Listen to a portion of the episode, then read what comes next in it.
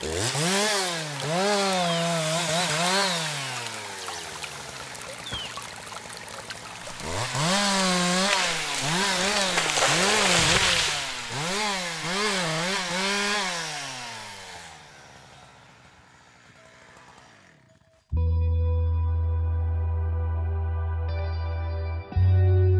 на моторните пили е најстрашниот звук за дрвјата, Неверојатно е колку сме им неблагодарни на овие прекрасни организми кои ни го прочистуваат воздухот, односно ни го снабдуваат со кислород, и со тоа ни овозможуваат да дишиме.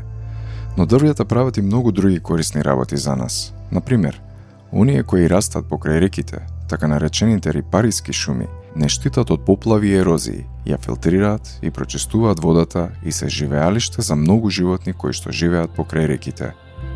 Токму ваквиот вид на дрвја, нивната биологија и значење ги проучува нашата соговорничка Ивана Лозановска, која е докторант на Универзитетот во Лисабон, Португалија.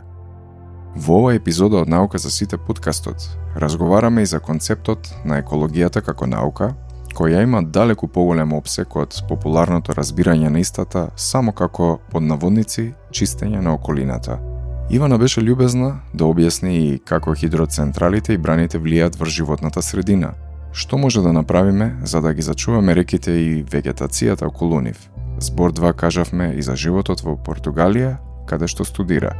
Разјаснивме која е разликата меѓу еколозите и екологистите Зборувавме како е да се кампува и истражува предели во името на науката и многу други интересни и битни работи. Затоа, не ја пропуштајте оваа 16 епизода од Наука за сите подкастот со Атанас Кириаковски.